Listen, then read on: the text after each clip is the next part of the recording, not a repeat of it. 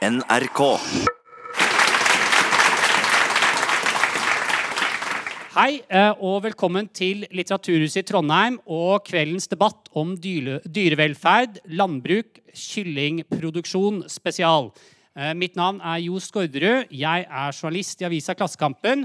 Og jeg skal lede oss gjennom denne debatten hvor vi særlig skal fokusere på kyllingproduksjon. En del av landbruket som eh, flere nå mener at vi er nødt til å klare oss uten.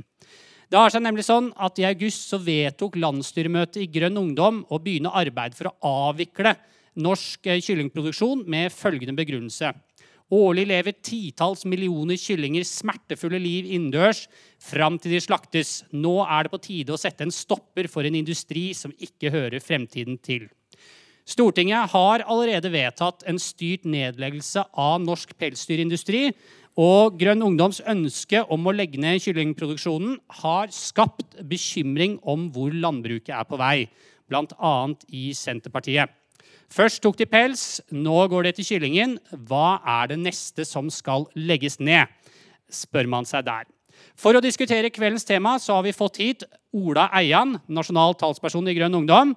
Vi har fått Ola Borten Moe, her blir det viktig for meg å holde tunga rett i munnen, nestleder i Senterpartiet og en person som kommer fra en gård hvor de driver med kyllingproduksjon, og Elisabeth Skei Berg fra Mattilsynet. Eh, Jeg tenker at jeg først vil ha en rask avklaring fra dere på hvor frontene står. Da tenker jeg det holder med et kort svar i første omgang. Vi kan starte med deg, da, Ola Eian, nasjonal talsperson i Grønn Ungdom. Stemmer det virkelig at norsk kyllingproduksjon ikke har en framtid i Norge?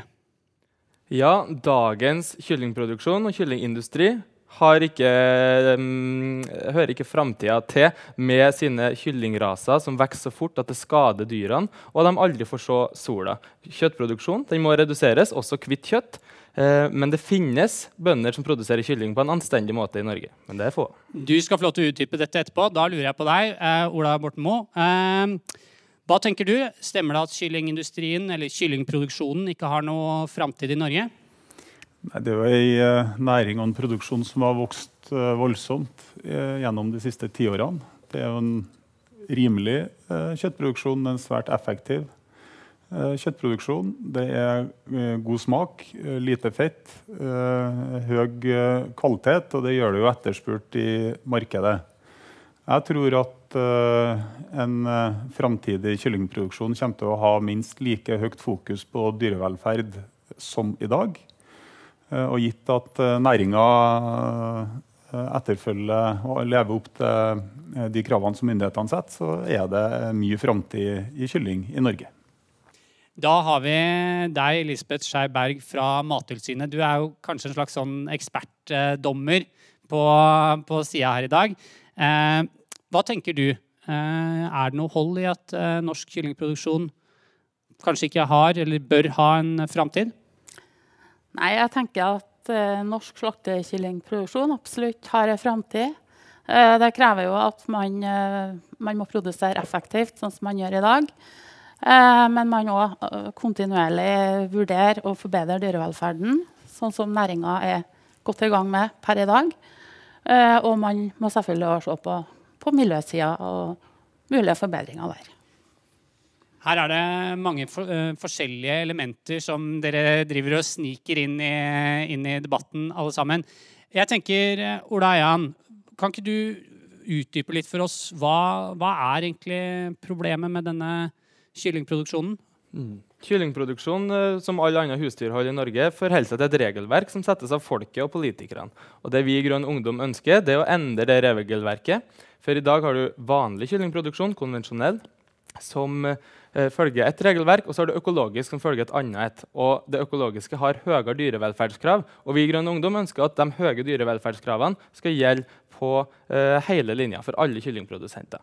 Og så lurer jeg på, Vet dere egentlig hvordan norsk slaktekylling produseres i Norge i dag? For det visste ikke jeg, men jeg har lært ganske mye den siste måneden. Jeg skal prøve en kort oppsummering til dere på fem bokstaver. Um, og de bokstavene er stuva. S for sykelig vekst, T for tetthet, U for uteareal, V for vindu og A for anstendighet. Og det som går på sykelig vekst, er at en kylling, en av de 66 millionene slaktekyllinger som fødes hvert år, og slaktes hvert år, det er ca. 15 dyr per innbygger i Norge. De fødes som en kylling på 50 gram, som er ca. en liten deodorant eller en løspakke med tobakk. Og på 29 dager så vokser den til en melkekartong på 1,5 kg. Altså den vokser 50 gram i døgnet.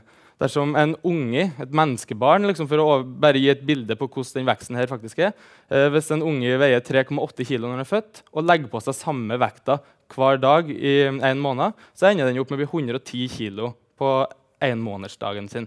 Og Det sier noe om hvor enorm denne veksten er. Og den veksten her gir faktisk fysiske sår i muskelvevet til kyllingene. Det belaster indre organer og skjelett. Um, og det, kanskje det verste er livdyrene. De dyrene som ikke blir drept eller avliva. Det er politisk lade ord. Men når de blir, de blir ikke slakta etter én måned. De får leve hele um, livet ut og begynne å produsere nye kyllinger. Og hvis de her ekstremt hurtigvoksende rasene faktisk får bli voksen, så blir de så oppsvulma at de ikke klarer å pare seg, og de blir så overvektige at de kan bli sterile. Så Derfor sultefòres livdyrene i norsk kyllingproduksjon det som på produksjonsspråket heter restriktiv fòrregime. Eh, det er meget problematisk. Og så det som går på tettheten, det er at uh, I vanlig kyllingproduksjon så måler man ikke hvor mange kyllinger man får ha på en kvadratmeter, men hvor mange kilo kylling man får på en kvadratmeter. Det er problematisk i seg sjøl, men det er 36 kilo for vanlig. Og så er det halvparten eller dobbelt så mye plass i økologisk, og der er det i tillegg et krav at det ikke er flere enn ti kyllinger per kvadratmeter. Og det er jo ganske mye i seg sjøl. Og så uteområder. Det fins ikke i vanlig kyllingproduksjon. Dyrene er inn hele livet sitt. Um, og i økologisk så er det krav om utearealer. Så vanlig kyllingproduksjon kunne egentlig ha foregått i park et parkeringshus under Midtbyen her. For man bruker ikke utearealene utenfor gården. Um, og så det med uteområder det er tatt, og da er den neste bokstaven V for vindu. De fins heller ikke. Det er ytterst få. Det er nesten ingen vanlige kyllingprodusenter som har naturlig lys i fjøset sitt. Og det er for at man regulerer lysstyrken sånn at man kan få dyrene til å bli mer inaktive, for da vokser de bedre.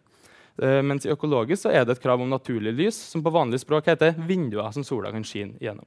Og det siste i stua det er anstendighet.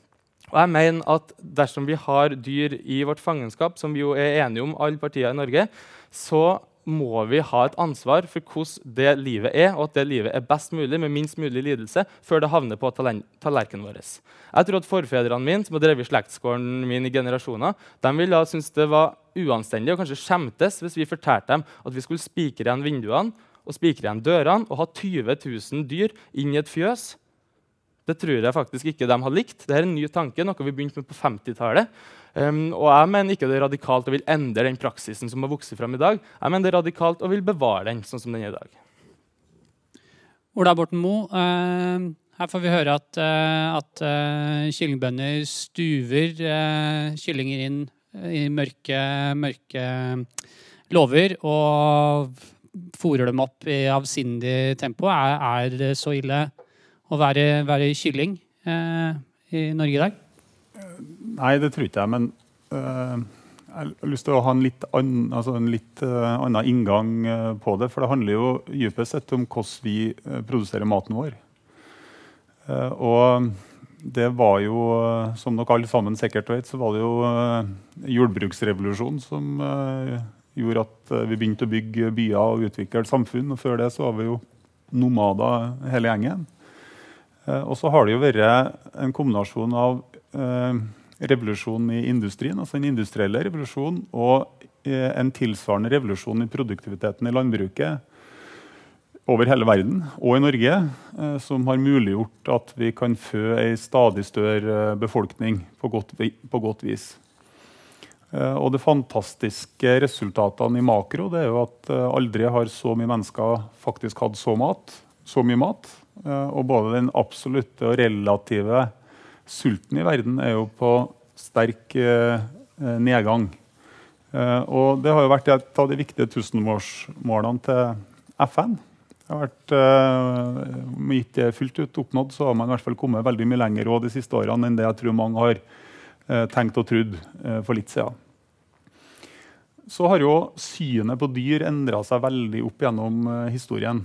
Eh, og det synet som er rådende i dag, det er jo på sett og vis et ektefødt barn av opplysningstida med eh, Rousseau og Montesquieu. Eh, og det handla jo òg om ungene våre, som ikke lenger var små voksne som vi setter i arbeid, men det handla òg om at dyr hadde egenverdi. Og det er jo et syn som har bredd mer og mer om seg, og som jeg tror er veldig bra. Et samfunn som behandler dyrene sine godt, behandler òg folkene eh, godt. Så dyrevelferd er viktig. Så er det vel òg min opplevelse at vi nå lever i et samfunn der stadig færre har et forhold til hvordan mat faktisk produseres. Går du noen år tilbake, eller ti år tilbake i Norge, så om man ikke var fra gård sjøl, så hadde man i hvert fall et søskenbarn eller en bestefar eller et, uh, en tante. eller noe sånt, Og så var man kanskje hjemme om somrene og hersa eller var med og gjørte. Uh, og alle all hadde vi et forhold til at maten kom fra, uh, fra et fjøs eller et beite eller hva det skulle være. I dag tror jeg nok at eh, den oppfatninga er i sterk endring. Eh, mat er i mye større grad noe som kommer fra butikken. rett og slett fordi det er mange færre av oss som holder på med det. Altså det er mindre tilgjengelig for en større andel av befolkninga.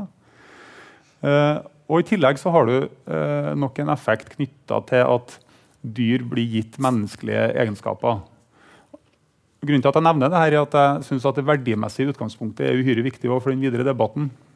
Dyr har egenverdi, men det blir feil å likestille med, med, folk. Eller en gang i nærheten å gjøre det. Vi har produksjonsdyr fordi at de skal gi oss mat, og så skal vi behandle dem eh, skikkelig. Så til kyllingen. Jeg eh, mener at eh, norsk kyllingproduksjon er eh, forsvarlig med den kunnskapen vi har i dag. Så skal ikke jeg nå sette meg ned og si at man gjør alt sammen perfekt og man skal ikke endre. Og det jeg vet fra hjemgården min, det er jo at det er en ganske rivende utvikling. Det er både færre dyr, det er økt tilgang på aktivitet og ulike former for leker, om du vil det. Man har en diskusjon knytta til raser. For vår del så bytter vi nå rase. Det med vekst det kan man jo på den ene sida fremstille som et problem. Og det er, jo, det er, jo, en kjøttproduksjon som har en voldsom effektivitet. Eh, på den andre sida gjør jo det det mulig å brødfø veldig mange på veldig kort tid. Og så er jo Det store paradokset tror jeg, det tror jeg det vil være om du spør eh, hvilken som helst produsent av hvilket som helst kjøttslag i Norge. Man må gjerne endre reglene og man må gjerne gjøre det annerledes, men så er det nødt til å være betalingsvilje for det her i den, i den andre enden. Eh, og Hvis vi i Norge gjør norsk kylling vesentlig dyrere, eh, så oppnår vi egentlig bare at folk eh, kjører til Sverige, kjøper den samme kyllingen uten at vi kontrollerer produksjonsformene i det hele tatt. Akkurat på samme vis som man nå gjør med pelsdyr. Vi skal fortsatt ha pels, men nå skal den produseres i Kina uten at vi kontrollerer produksjonen i det hele tatt. Takk skal du ha. Det er mange spennende elementer som dukker opp allerede. Men Elisabeth, jeg vil bare høre din side av dette her er kyllingdriften slik den drives i dag, kyllingproduksjonen er vel det vi kaller det, eh, er den eh, forsvarlig sett fra Mattilsynets eh, side? Vi har jo et regelverk som legger minstekrav når det gjelder dyrevelferd. Hold av slaktekylling, hold av andre dyreslag. Når vi fører tilsyn i slaktekyllinghold, så vi hadde et stort tilsynsprosjekt i 2011. Uh, eh, da var det mange alvorlige avvik å finne. Det er det mange år siden. Um, ellers så Og det var jo da avvik, eller avvik fra regelverket som hadde absolutt betydning for dyrevelferden.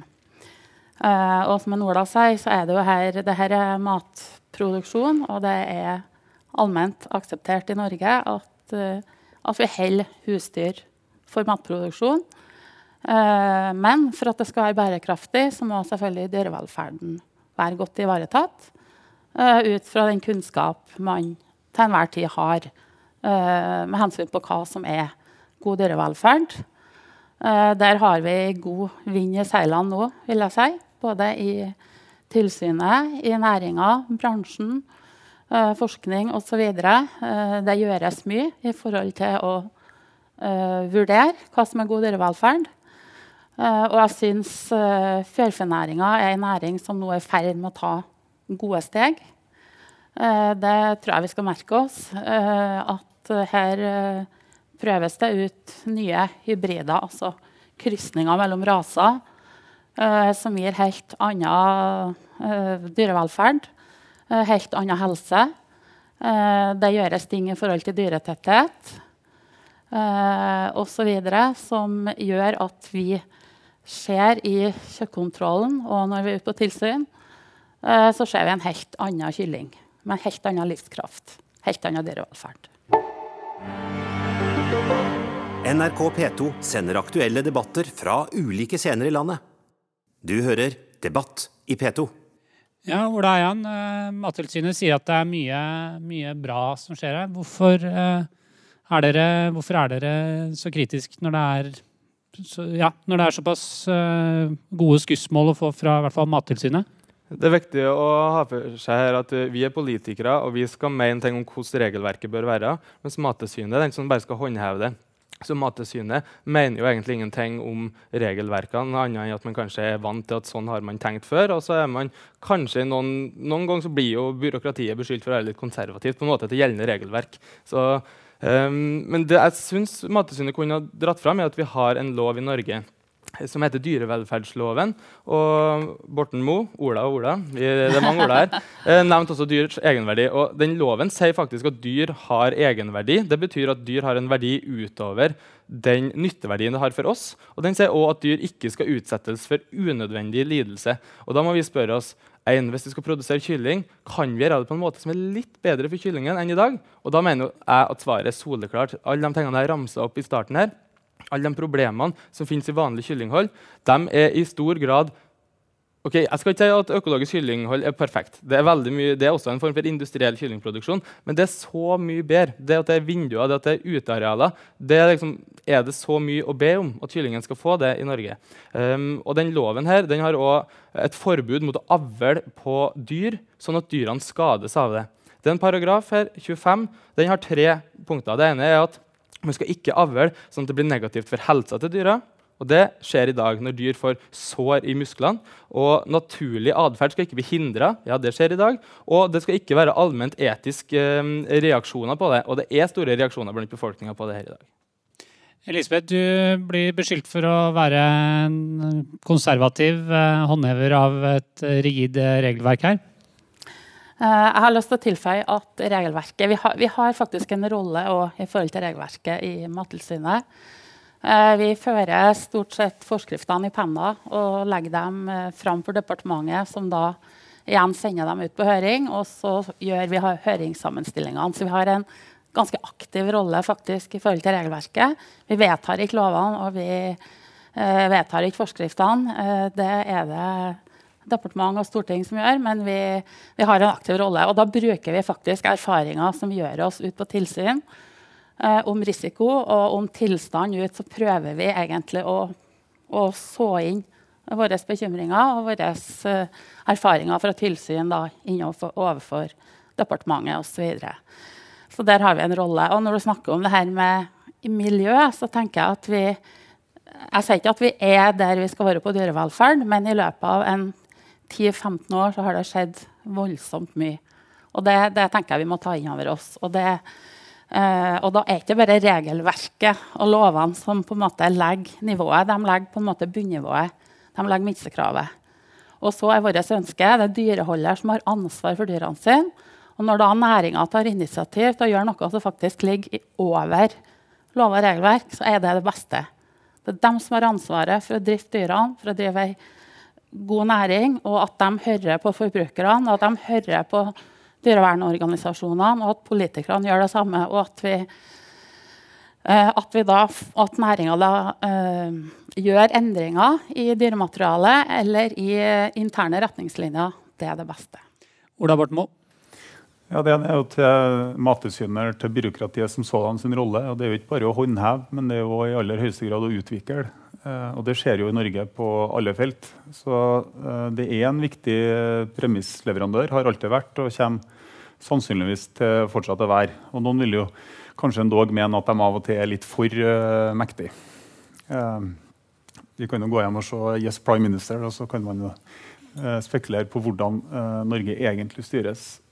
Det er en digresjon. Eh, det andre eh, jeg tenkte jeg skulle ta opp, det er jo litt fra et, altså fra et produsentperspektiv. og Da skal jeg imøtegå noen av eh, påstandene fra Miljøpartiet litt. Altså for det første så er det jo sånn at alle kyllingprodusentene jeg kjenner, er jo folk som legger sin ære i å ha et skikkelig dyrehold og en, skikkelig dyrevelferd. Og så blir man jo ofte mistenkeliggjort litt i det offentlige ordskiftet. Eh, og spesielt så gjelder jo det pelsdyrbønder. ikke sant? Men eh, folk ønsker jo å få til det her, og man ønsker å få til det her på skikkelig vis. Og man legger mye energi og ære i det. I tillegg så er det jo sånn at mange dyrevelferdskrav er jo bygd inn i det, den økonomiske incitamentstrukturen. Så hvis du ikke leverer godt på dyrevelferd, så vil du òg ha en gjennomgående dårligere økonomi. Eh, og det går f.eks. på om strøet er dårlig og du får eh, sviskader på fotene, så registreres det med en gang. Strø, strø, eh, vi må altså det, det, forklaringer her. Det er, det er spon, da. Trespon. Eller Nei, det er det gulvet er dekkende. Ja, det er det man, det, er det, man, det, er det man går på. Likedan er det skader på fuglene, så blir de kassert på slakteriet. Det sitter en veterinær der og følger med hele tida. Det betyr at man får trekk og man får ikke oppgjør. Er det dårlig helse i fugleflokken, så vokser de eh, dårligere og utnytter fôret dårligere. Det betyr dårligere uh, oppgjør. Uh, økonomien er jo relativt sett pressa, så det er jo en, er jo en marginproduksjon. Så de som tjener penger, de gjør det fordi at de er flinke og produserer gode resultat. Og gode resultat henger sammen vil jeg hevde, nesten én til én med god dyrevelferd. Så skal jeg si en ting til. Og det er at Vi har tatt tre av de her mest utskjelte kyllingene egentlig ut av fjøset og de fire hovedoppgaven til yngste dattera mi. De har nå gått og uh, tralta rundt på gårdsplassen uh, i sommer. Sikkert under forhold som Miljøpartiet ville ha satt svært stor pris på. Uh, og det er flotte fugler. Uh, og de, har, de blir store, og de blir fine. Og eh, nå har de vært med oss en tre-fire måneder. Det er altså ingenting som tyder på at eh, de dyrene lider noe som helst eh, overlast. Hvorvidt de er sterile eller ikke, skal ikke jeg uttale meg om. Det ser ikke sånn ut. ok, eh, Ola Eian, jeg ser du har tegnet deg. Jeg vil bare ha inn et element som dere kan nevne i deres neste innlegg. Eh, og det er, jeg er, kom fra en avis som er ganske opptatt av dette her med, med arbeidsplasser. Eh, så på en måte vil gjerne at dere sier noe om konsekvensene på arbeidsplasser. Men vi er jo også en avis som er opptatt av dette her med miljø og at, eh, at eh, ja, klima, at dyra har det bra og sånt nå. Så også alle, alle former for konsekvenser denne omlegginga ville ha, både økonomiske og klimamessige og sånt nå, tenker jeg er interesse både for meg og, meg og publikum. Du kan starte igjen din tur, Ola Eian. Ja, Klassekampen er en ganske rød avis som er opptatt av solidaritet med arbeidere. Det er bra, det er også vi i Det Grønne, men vi utvider også den solidariteten til å gjelde dyr og natur. Og det viktige bærekraftsbegrepet handler om økonomisk, økologisk og sosial bærekraft. Og Der inngår velferd for alle, også andre arter enn oss mennesker. Um, arbeidsplassene skal jeg ta til slutt, men det vært nevnt dyremateriale her. og rasene vi bruker, det har også en sosial eh, profil. For Ross-rasene og også Rowan, som er nå den nye rasen til Remo Hvis dere sett de brune reklamene de skryter mye av. Hubbard. Ja, unnskyld, Hubbard. Eh, det er sant. Men um, det er en annen uh, Ross-rase som heter uh, Rowan, som vokser litt saktere, som er tillatt i økologisk produksjon. Som er på en måte um, de mer saktevoksende. Det er de to rasene. Og så er det vanlig hvit uh, Ross 308. Og den rasen leveres av et stort multinasjonalt selskap som heter um, dere må hjelpe meg med uttalen, Aviation Nei, hva de heter de? Avigen heter de. Avigen. Og Det er veldig synd, for at vi i Norge ønsker å ha god dyrevelferd. Og vi har en kultur og en kompetanse på å lage sunne norske dyr. Hvis dere har hørt om eh, Dagros eh, sitt rasenavn, det er norsk rødt fe. Det er et resultat av norsk avlsarbeid der vi har kombinert både produksjon av kjøtt og melk og helse. Og når man ikke reinspikker én produksjon, så blir dyrene jevnt over sunnere. Da klarer de å bevege seg ut, f.eks. Mens eh, Ross den er kun laga til å vokse, vokse, vokse, vokse, og så slaktes for kjøttet sin del. Um, så Vi i Grønne har på Stortinget foreslått at vi skal uh, hjelpe næringa med å få inn uh, et avlsarbeid som gjør at vi kan ha alternativer til det her monopolet. For rossrasene brukes stort sett i hele Europa, meg bekjent. Så det her er på en måte et slags demokratisk problem og et markedsproblem med at vi har en dominerende aktør.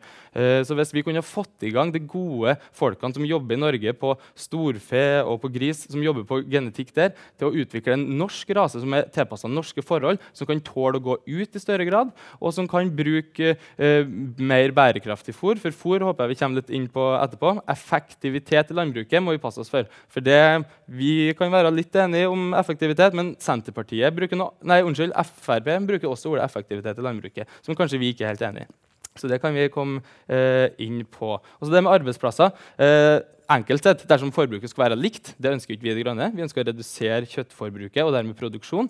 Men hvis man setter et krav om at vi skal ha færre, eh, vi skal ha færre dyr i et fjøs, så ønsker man færre dyr per fjøs. Og da må man ha flere små fjøs. Og det gir jo i prinsippet flere arbeidsplasser.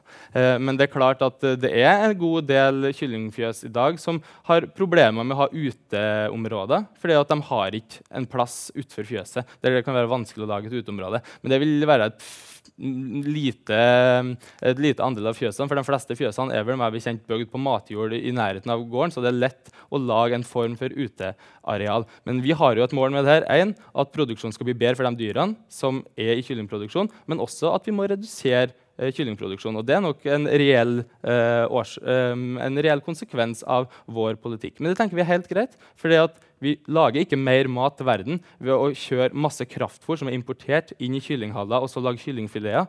Det er mer effektivt å spise større grad plantebasert og heller basere seg på å bruke dyr som bruker utmarksressursene, heller enn dyr som kun spiser reinspikka kraftfôr. For gris og kylling spiser kraftfôr som egentlig er menneskemat. Det er korn og belgvekster som i varierende grad kunne blitt brukt direkte til mennesker. Ja. Ola Borten Utmarka har jo den kompisen her eh, ved siden av reservert for uh, ulv og bjørn, så det blir jo vanskelig å ete han, særlig derifra. Men uh, uh, jeg, jeg, tror liksom all, jeg, tror vi alle sammen kan være enige i målet om en stadig bedre dyre, dyrevelferd. av og til er det ikke så enkelt å isolere det og si hva som faktisk gir en effekt. Eh, og la meg da gi et uh, eksempel. Det ble eh, innført krav om løsdriftsfjøs for melkeproduksjon for noen år siden. Altså Alle all kufjøsene i Norge skal innen 15 år, nå da, 2034, så skal det være løsdrift. Og det ble gjort med jeg, jeg, må bare hoppe inn her. Løsdrift, altså de får ja, det betyr, gå rundt omkring? Ja, det, betyr at de står ikke på bås, da, sånn som man tradisjonelt har gjort. Man går da rundt i, i fjøset. Og det ble jo gjort med grunnlag i at det skulle bedre dyrevelferden. Eh, det er jeg lett spørrende til om er den faktiske konsekvensen. For det første så har du fått en voldsom strukturendring som en, som en følge av dette kravet. Det bygges nye fjøs, og de nye fjøsene som bygges, er jevnt over veldig mye større eh, enn dem vi hadde eh, tidligere. Det andre som har skjedd, det er jo at siden fjøsene blir større og ofte robotmelking, så er det ikke noe krav om at de her krøtterne skal ut bås, eh, når man står på bås, så skal man ut om uh, sommeren. Og man bruker beiteressursen rundt gården mye mer intensivt enn enn det man ellers ville ha gjort. det er ikke noe krav om at de skal ut, og i mange tilfeller er det heller ikke praktisk gjennomførbart med den strukturen man har nå. Og Da er du tilbake til ja, så har det et, et moment til, og det er at dyr er jo dyr, tross alt. så det finnes jo problem med mobbing og hersing. Det er jo ganske sterke hierarkier der. Enten det er fjørfe eller det er pattedyr. Og de kan behandle hverandre ganske ufint. Det er det vanskelig å vedta regler mot. Da. Det fins eh, grenser for hvilken makt vi har som politikere. Eh, og det er jo i aller høyeste grad et dyrevelferdsspørsmål for noen. Er, poenget med dette er at jeg er ikke sikker på at det kravet faktisk har styrka dyrevelferden for melkeproduksjon i Norge. Allikevel så gjør vi det med de enorme omkostningene eh, det faktisk har. Eh, og det har òg en parallell inn i kyllingproduksjon. Kyllingproduksjon i Norge i dag er stort sett tilleggsnæring for allerede eksisterende gårdsproduksjon. Veldig, jeg tror ikke det er noen som lever utelukkende av å produsere kylling i Norge. Man gjør det ved siden av at man har korn, siden av at man har gris eller, eller kanskje melk. eller noe sånt. ikke sant? Så å omtale det som en kyllingindustri på produsentnivå det mener jeg er helt feil og helt misvisende.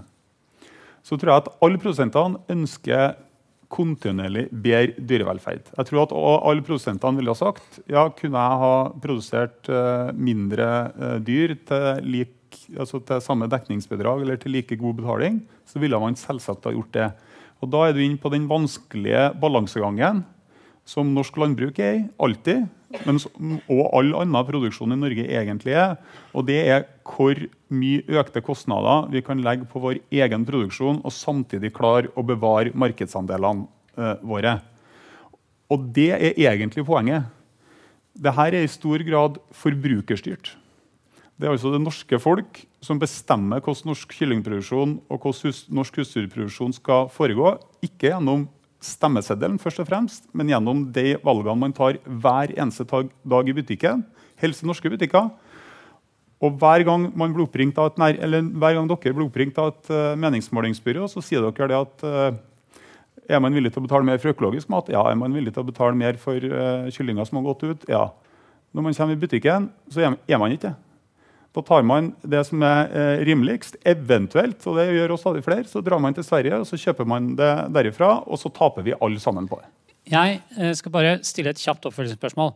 Hvis du vil konkretisere nå Hvis Ola Eian fikk gjennom Grønn Ungdom, fikk gjennom i morgen de krava de, de ønsket, og alle fikk to år på å omstille seg til det, hva ville bli konsekvensene for kyllingindustrien? Nå må du konkret For norsk kyllingproduksjon? Ja, for kyllingproduksjon. Hvis de fikk gjennom kravene sine om sagt, økologisering, økologiske krav for alle kyllingbedrifter. Det, vil, altså det ville sannsynligvis betydd en enorm produksjonsvekst i svensk og dansk kyllingproduksjon. Og så ville det betydd en øsling av arbeidsplasser og verdiskaping i Norge. Elisabeth, din, eh, din tur. Det, hvis disse kravene som vi nå som Grønn Ungdom går inn for, er det, er det mulig å innføre dem i kyllingindustrien, kylling, kyllingproduksjonen i Norge? Jeg tenker at det er et ganske langt eh, steg å gå, ja. Eh, jeg tenker at vi kan Vi må utvikle det slaktekyllingholdet vi har i dag. Uh, ta inn kontinuerlige forbedringer der. Uh, og det er vi i gang med, og det må vi fortsette med. Uh, det er ikke mulig hvis vi ønsker å ha en sjølbergingsgrad som i dag på norskprodusert kjøtt, som vi på en måte har en sporbarhet på, der vi har kunnskap om dyrevelferden, der vi kan påvirke mattryggheten og, og dyrevelferden. alternativt, som Ola sier, så åpner vi for import eller handel, handelslekkasjer ved grensa. Eh, da har vi er mange land som står på grensa og ønsker å selge fjørfekjøtt til Norge. Brasil, Bulgaria, Polen osv. Eh, masse land som ønsker det. Eh, eh, og det er et viktig kjøtt for å holde sjølbergingsgraden opp, helt klart. Ola, Jan, ser du uh, ivrig. Det er mange, mange, ting du har lyst til å kommentere? Ja, det er det. Um, aller først, bare for å slå det fast, Vi har også vedtatt at vi ønsker å stille samme dyrevelferdskrav til importert, uh, importerte husdyrvarer uh, som til produksjon i Norge. Så det er greit. Det er ikke snakk om å uh, importere samme dårlige dyrevelferdskyllinger som vi ikke ønsker i Norge. Men det, det, men det kan du ikke regulere. jo, det, Vi kan snakke om EØS etterpå, men det kan vi. Det kan jeg forsvare. Og så lurer jeg på hvordan av kravene i økologisk, dyre, i økologisk kyllingproduksjon og her er poenget ikke at det er økologisk, men at dyrevelferden er bedre i den økologiske produksjonen. og det finnes bønder i dag som lager kylling på denne måten. Hvordan noen av de kravene er det dere er uenig i? Er det utearealet? Er det vinduene? Er det at saktevoksende raser? Er det mer plass? Er det at de skal få litt mer grovfôr? Jeg lurer på Hva er det man er uenig i, og hva er det man synes er problemet med de økologiske produsentene i dag? Og så eh, til det stekket om rovdyr. Eh, verken De Grønne eller Senterpartiet skal belemres for dagens rovdyrpolitikk. For det er ingen av oss som var med og bestemte den. Det er alle de andre partiene på Stortinget, minus Rødt, som ikke satt her da. Um, men allikevel så går norsk bruk av utmark, men også norsk bruk av norske ressurser, gresset som vokser på innmarka, der vi kun kan vokse gras til dyr, eller korn, eller grønnsaker eller frukt til mennesker, det går ned. Vi importerer stadig mer, særlig fra Brasil, som ble nevnt her, um, til norsk produksjon. Og Det har skjedd også med Senterpartiet i landbruksministerposten. Så det må vi ha med oss. Også vi, og Snakk om mistenkeliggjøring av bønder. Vi mistenkeliggjører verken oljearbeidere eller bønder. Folk må tjene penger på det politikerne mener at vi skal tjene penger på. Men vi i Grønn Ungdom mener at når man tjener penger på å holde dyr i fangenskap, så skal man ha en høyere standard enn i dag. Det er ikke verre enn det. Um, Yes. Var det noe annet du spurte om der? Nei, du vet hva, jo, dette, var, dette, var, utmerket. Ja. Du får ordet igjen seinere. Jeg, jeg merker jo, at jeg har, Forbrukerne sin evne til å betale, det kan vi ta etterpå. Ja, vi, tar, vi kommer tilbake til forbrukernes evne til å betale. Jeg merker at jeg, jeg var veldig frista et øyeblikk der til å dra i gang en skikkelig rovdyrdebatt. Det, Nei, det kunne blitt. Men, men vi, tar det, vi, tar det, en annen dag. Dere fikk, eh, resten av panelet, dere fikk en ganske konkret utfordring fra Ola her. fra, fra, Ola E, som vi kan kalle ham. Eh, hva, hva, er det, Hvilke spesifikke krav eh, på altså disse økologiske kravene er det dere ikke mener vi burde eh, ja, Hva har dere imot det? Nei, jeg tror, jeg tror egentlig at uh, problemstillinga er litt snudd på hodet. fordi at uh, jeg, jeg tror det virkelige spørsmålet er hvilke kostnader klarer man å ta ut i markedet i den andre enden? Eh, og da er det på sett og vis den norske befolkninga som definerer det. Og så blir det da produksjonen sin eh, jobb å gjøre dette her så effektivt eh, eh og så godt som overhodet mulig. Jeg har ikke noen faglig grunn til å si at så selvsagt kunne man gjerne hatt, hatt vindu og uteareal. Jeg tror det har vært artig å spørre Mattilsynet om det her med Uh, uteareal. For det er jo noen problemstillinger knytta til smitte, f.eks. Og, og forekomst av salmonella og bakterier som naturlig er til stede i uh, områdene rundt oss, som du ikke klarer å, ikke klarer å kontrollere hvis, uh, hvis det her fuglene skal gå ut, og som kan være et problem for oss mennesker etterpå. altså Rett og slett hygienekrav. Og så har jeg lyst til å si en ting til. og det er at hvis det er noen som sitter med et inntrykk av at norsk kyllingproduksjon har stått i ro de siste årene, så er det altså uh, veldig feil. Hjemme hos oss har vi holdt på med det her nå en sju-åtte år. Uh, det er veldig annerledes nå uh, enn det var da. nå bytter vi rase. Rema introduserer en ny rase som heter Hubbert. og Det er jo en av de tingene som jeg faktisk er enig med deg i. Det er et paradoks at det er et internasjonalt konsern som sitter med jeg tror det er ca. to tredjedeler av det globale markedet på på kyllinggenene og på kyllingproduksjon. Og vi burde ha vært mer selvforsynt med det eh, i Norge. Eh, men det initiativet som Norsk Kylling og som Rema har tatt, er litt spennende. fordi at der utfordrer man jo noen av de her forutsetningene. Og så sier man at nå skal vi ha en fugl som lever litt lenger, som vokser litt senere, som er litt mer aktiv.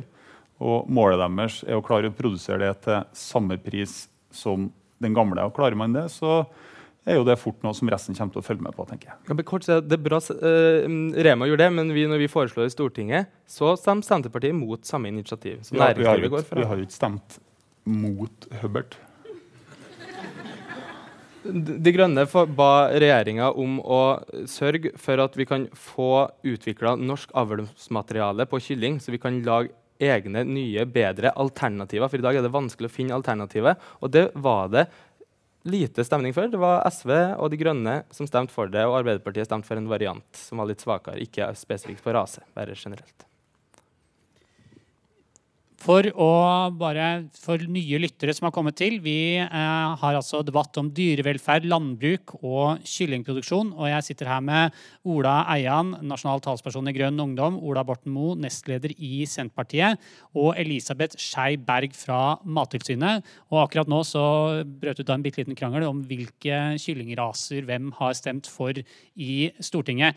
Eh, men Elisabeth, jeg vil gå tilbake til deg. og det er det var dette her spørsmålet med hvilke eh, økologiske krav som da Grønn Ungdom stiller, er det Mattilsynet syns virker for vanskelig å gjennomføre. Og så en faktaopplysning du kanskje kan hjelpe oss med. Hvor, hvor stor er egentlig norsk kyllingproduksjon? hvor mange Jeg vet ikke, hvordan måler vi egentlig kylling? Er det hvor mange hundre tusen kylling? Er det millioner i året? Det, ja, hvordan måler vi det, og hvor stort er det? Det er vel 100 000 tonn slakta per år av fjørfe. Og da er slaktekylling da hovedsummen der, hovedmengden. Det er et Eh, viktig kjøttslag, da, med andre ord. Ja, et viktig kjøttslag. Og det er Jeg kan individtallet, hvis noen er interessert. Og så er det 66 seks millioner, millioner. altså. Og fra eh, 1999 fram til, til i dag så er det over 50 økning. Både på individ og enda høyere på slaktemengde. 66 Så- individer som kommer og faller fra, hvis vi kan kalle det, i løpet av et, ja, ja, som blir mat i løpet av et år. det er det. Så et høyt antall. Og det er klart det er en som vi har om før, det er en effektiv produksjon i forhold til å, til å besørge at vi faktisk har mat i Norge. Og den er jo klimavennlig hvis man ser bort fra importert soya. Og det tenker jeg det er en politisk ting man må ta tak i i framtida. Det tenker jeg er viktig. Ellers så brukes det jo mye eh, matkorn som er klassifisert i kraftfôret. Eh, og det, det tenker jeg det er bærekraftig. Og hvis man da, hvis da, man da ser på soyaelementet i kraftfôret, og man i tillegg er på i forhold til dyrevelferden, så tenker jeg det er en produksjon vi kan få til å, få, til å bli ganske bærekraftig. Um, ellers så snakka vi om eh, økologisk. Vi har ingen innvendinger i forhold til regelverket der. Så det eh, krysningspunktet blir jo på en måte i forhold til bærekraftighet, i forhold til det å produsere nok mat. Eh, sånn at vi unngår import og lekkasjer. Og man, kun, og man kan selvfølgelig øke eh, proteinkildene på vegetabil, vegetabilsk side, men vi greier ikke å være sjølforsynt på det i Norge. Det er ikke mulig ut fra klima osv. Så, videre. så det er kanskje litt realismen i det. Økologisk landbruk er bra. Eh, absolutt, Vi har ingenting imot de kravene. Vi er jo ansvarlig for de kravene i Mattilsynet. Men det er vanskelig å se for seg en storskala der som på en måte kan forsyne oss med animalsk protein. NRK P2 sender aktuelle debatter fra ulike scener i landet. Du hører Debatt i P2. Her er det mange elementer. Jeg har lyst til å ta, heve debatten litt opp fra gulvet på kyllingfjøset. Og, og litt mer inn på nordmenns eh, syn på kjøtt. Og hvis det er noen som har ting på kylling som dere føler dere absolutt må si, så kan dere jo smette det inn der hvor dere finner grunn til det. Men jeg, jeg merket at jeg ble litt forstyrra her om dagen da jeg leste en artikkel om eh, norske programmet Folkeopplysning på NRK, hvor de da hadde De skulle gjøre en liten vri på Firestjerners eh, middag eh, og hadde masse kjendiser. Og vrien var da at kjendisene skulle spise middag som før, men de skulle bare være med og slakte sin, sin egen mat. Og det som skjedde var at eh, En drøss med anonyme kjendiser vi vet ikke hvem de er, sendte et brev hvor de trakk seg fra produksjonen og, og sa at de var redde for at de skulle bli oppfattet som slemme, eh, dumme eller i beste fall hyklerske hvis de var med på å slakte sin egen mat. Eh, Ola Bortmo, du nevnte jo dette her litt, at vi har blitt fjernere fra kjøttet. Men har, hva er det som skjer, og har vi fått et virkelighetsfjernt forhold til maten vi spiser? Ja, Om vi ikke har fått det ennå, så tror jeg i hvert fall som jeg sa innledningsvis, at vi definitivt er i ferd med å få det. Eh, Jeg tror det vilkårlige forbudet mot eh, pelsdyrhold i Norge er et uttrykk for det. Da skal man plutselig ikke holde dyr i bur lenger, for det passer ikke inn i fortellinga. Er helt legitim næring, en en helt legitim produksjon, et helt legitimt produkt. Eh, Venstre klarte å eliminere det. Det, altså det er første gangen vi forbyr, vi forbyr en lovlig produksjon av det som fortsatt skal være en lovlig vare i Norge, helt ut av det blå. Så nå er vi plutselig der at vi skal forby ting vi ikke liker. Det er en veldig unorsk måte eh, å gjøre ting på. Skal fremdeles importere det. Eh, fortsettelse av det i mitt hode det er jo eh, ganske forutsigbart. og det er jo at Man kommer til å få angrep på en lang rekke andre dyreslag og dyreproduksjoner. og Nå har jo for så vidt Grønn Ungdom starta med å ta til orde for en avvikling av norsk kyllingproduksjon sånn som vi kjenner den eh, i dag. Eh, og jeg vil nok hevde at eh, en stadig større andel av det norske folk ville ha hatt godt av en realitetssjekk knytta til hva matproduksjon fortsatt betyr og er nødt til å bety. Um, og det gjelder mange ting. Det gjelder én, vi holder dyr fordi vi skal spise dem. Det er eneste grunn til at vi gjør det. Det er nødvendig nå, har vært nødvendig før, kommer til å være nødvendig i fremtida.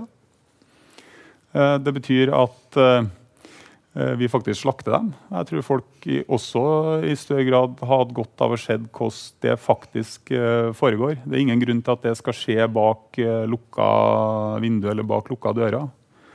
Jeg tror at folk har hatt godt av å se hva som skjer rundt omkring i de titusenvis av norske fjøs som eksisterer, og treffer de titusenvis av både dyktige og ærekjære yrkesutøverne som driver på med dette her.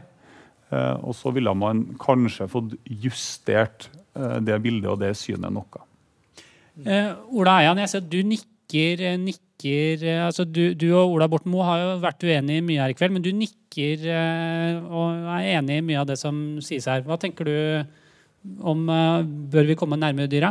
Absolutt. Jeg synes Det er veldig bra at barnehager og skoler er på gårdsbesøk og er med på gårdsslakting. Og får et uh, inntrykk av hva det her handler om. For kjøtt er dyr som holdes i fangenskap, som vi aksepterer at må gjennom en viss lidelse. Og så må de slaktes og parteres.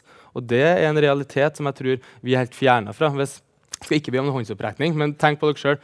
Uh, har dere noen gang slakta noen av de kjøtttypene dere spiser, inkludert fisk, hvitt og rødt kjøtt? Jeg, skal, og der, jeg shamer ingen for å ikke ha lyst til å slakte. for um, jeg, jeg, kan si selv, jeg, jeg spiser um, kjøtt, har ikke redusert forbruket kraftig. Og tenker at elg er kanskje et av de mest bærekraftige eller mest dyrevelferdsmessige kjøttproduksjon.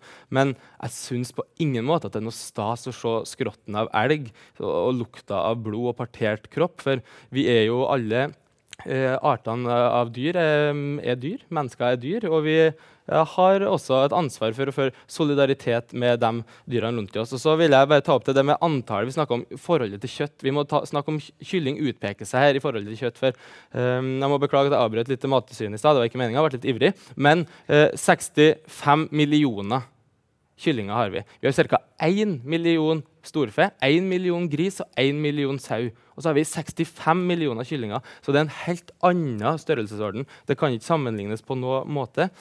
Eh, og når det blir dratt inn eh, pelsdyr her, så skal vi ikke starte pelsdyrdebatten. Men vi må bare si at det handler ikke om at det var kosmetisk feil eller at det ikke passa med norsk fortelling. Det handler om at det ikke var forenlig med arten ville dyr å pakke dem inn i et lite bur. Og så ønsker vi heller ikke å importere pels i det grønne. Vi ønsker å forby import når vi forbyr produksjon i Norge. Og så Mattilsynet eh, vil jeg tro var i lag med alle faginstansene som ønska å, å, si at uh, pelsdyrproduksjon var ikke bra. Og Mattilsynet sa jo også helt på slutten at de har ikke noe dyrevelferdsmessige problemer med verken konvensjonell eller det økologiske. Jeg antar at de vil være enige i at det økologiske er bedre. Det var andre argumenter Mattilsynet men var grunn til å ikke innføre de kravene vi ønsker.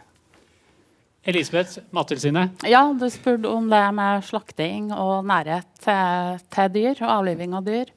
Uh, I forhold til dyrevelferdsloven så er det jo innafor både med hold av dyr og slakting av dyr, transport av dyr osv. Poenget er at det foregår på en god måte for dyret. Uh, at uh, hensynet til dyret skal ivaretas i alle operasjonene egentlig til enhver tid og for hvert individ. Og Derfor setter vi regler uh, som er minimumskrav, og derfor så kan næringa ha en mulighet til å heve seg over dem for å sette en enda bedre standard. Og det ser vi heldigvis ofte skjer. Um, men, ja, men dette, det, jeg synes dette, var, dette spørsmålet om på en måte vi bør komme nærmere ja. slaktinga. Hva, hva, tenker dere i Mattilsynet om det? For jeg mener, jo, dere, dere, ser jo mer slakt enn uh, noen av oss andre noen, noensinne. Er det noe vi, resten av oss, burde ta mer del i? Sånn, eller komme nærmere på? Jeg tenker Slakting er ikke noe sånn underholdningsobjekt. det er det ikke, men, men, jeg tenker det er greit å ha et naturlig forhold til det, og ikke se på det som noe sånn eh, ekstremt eller umulig. For det handler om at vi produserer mat som vi faktisk må ha. Som er det allment akseptert. Vi har gjort det i tusenvis av år. Det er, eh, ja, det er den viktigste proteinkilden vår per i dag. Og hva eh, så, så, så på en måte, det er ikke sånn at alle, det var ikke naturlig før heller. Ikke alle greide å se på slakting før heller. Men poenget er at vi skal gjøre det ordentlig. Vi skal gjøre det skikkelig. Og, og det skal vi føre tilsyn med, og det må næringa ta på alvor. Ja. Nå er det dessverre sånn folkene, at vi nærmer oss eh, de siste minuttene av eh, denne debatten. Eh, dere skal få en avsluttende kommentar hver. Men jeg vil be dere om å gi den kommentaren. Tenke på om dere kunne ta med, peke litt framover og si noe om de viktigste grepene dere mener vi eh, bør ta hvis vi skal ha et velfungerende landbruk eh, i framtida. Og så blir det opp til hver enkelt av dere om dere mener at det velfungerende landbruket skal inneholde kjøttproduksjon, kyllingproduksjon eller ikke. Det overlater jeg egentlig til dere. Eh, Ola Borten vi kan starte avsluttende runde med deg. Altså for det første så er jeg litt uh, spørrende til individfokuset og tellinga. 66 millioner in individ uh, kylling, en helt annen størrelsesorden enn alt annet uh, dyrehold. Uh, nei, uh, jeg er ikke uh, av den oppfatning at det er et spesielt interessant tall. Vi kunne ha telt antall fisker vi har fiska opp i Norge òg. Det er sannsynligvis mye større, uten at jeg sitter på noe tall om det. Men det betyr ikke at det er noe vær å ta opp denne fisken selvsagt, enn det å drive med, med kjøtt- og melkeproduksjon. Poenget er at mennesket er på toppen av næringskjeder og i en særstilling. Altså, det er ingen grunn til engang å leke seg med tanken om at vi er likestilt med en kylling eller med en fisk. eller en gris for den saks skyld. Altså, Dette er dyr som vi holder uh, for at vi skal overleve og for at vi skal ha mat. Og så skal vi behandle dem skikkelig. De har uh, egenverdi, men der stopper på en måte det. Så uh, framtida for norsk matproduksjon.